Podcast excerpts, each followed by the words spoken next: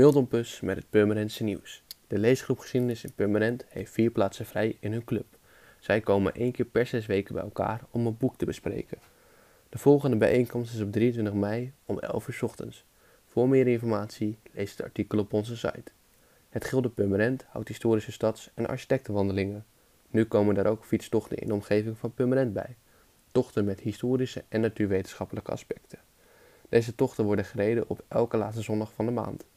De eerste tocht is een fietstocht ten westen van Purmerend op zondag 26 mei. De fietstochten starten steeds om half twee middags bij de VV Museumshop aan de Peperstraat 35.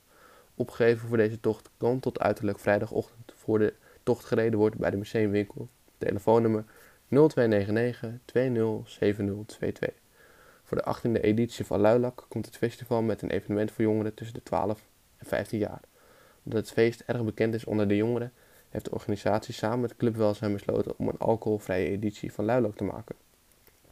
Deze editie is net zoals het 18-plus feest op 7 juni, maar is tussen 8 en 1 uur 's avonds. Het originele feest is van 11 tot 5 uur 's avonds.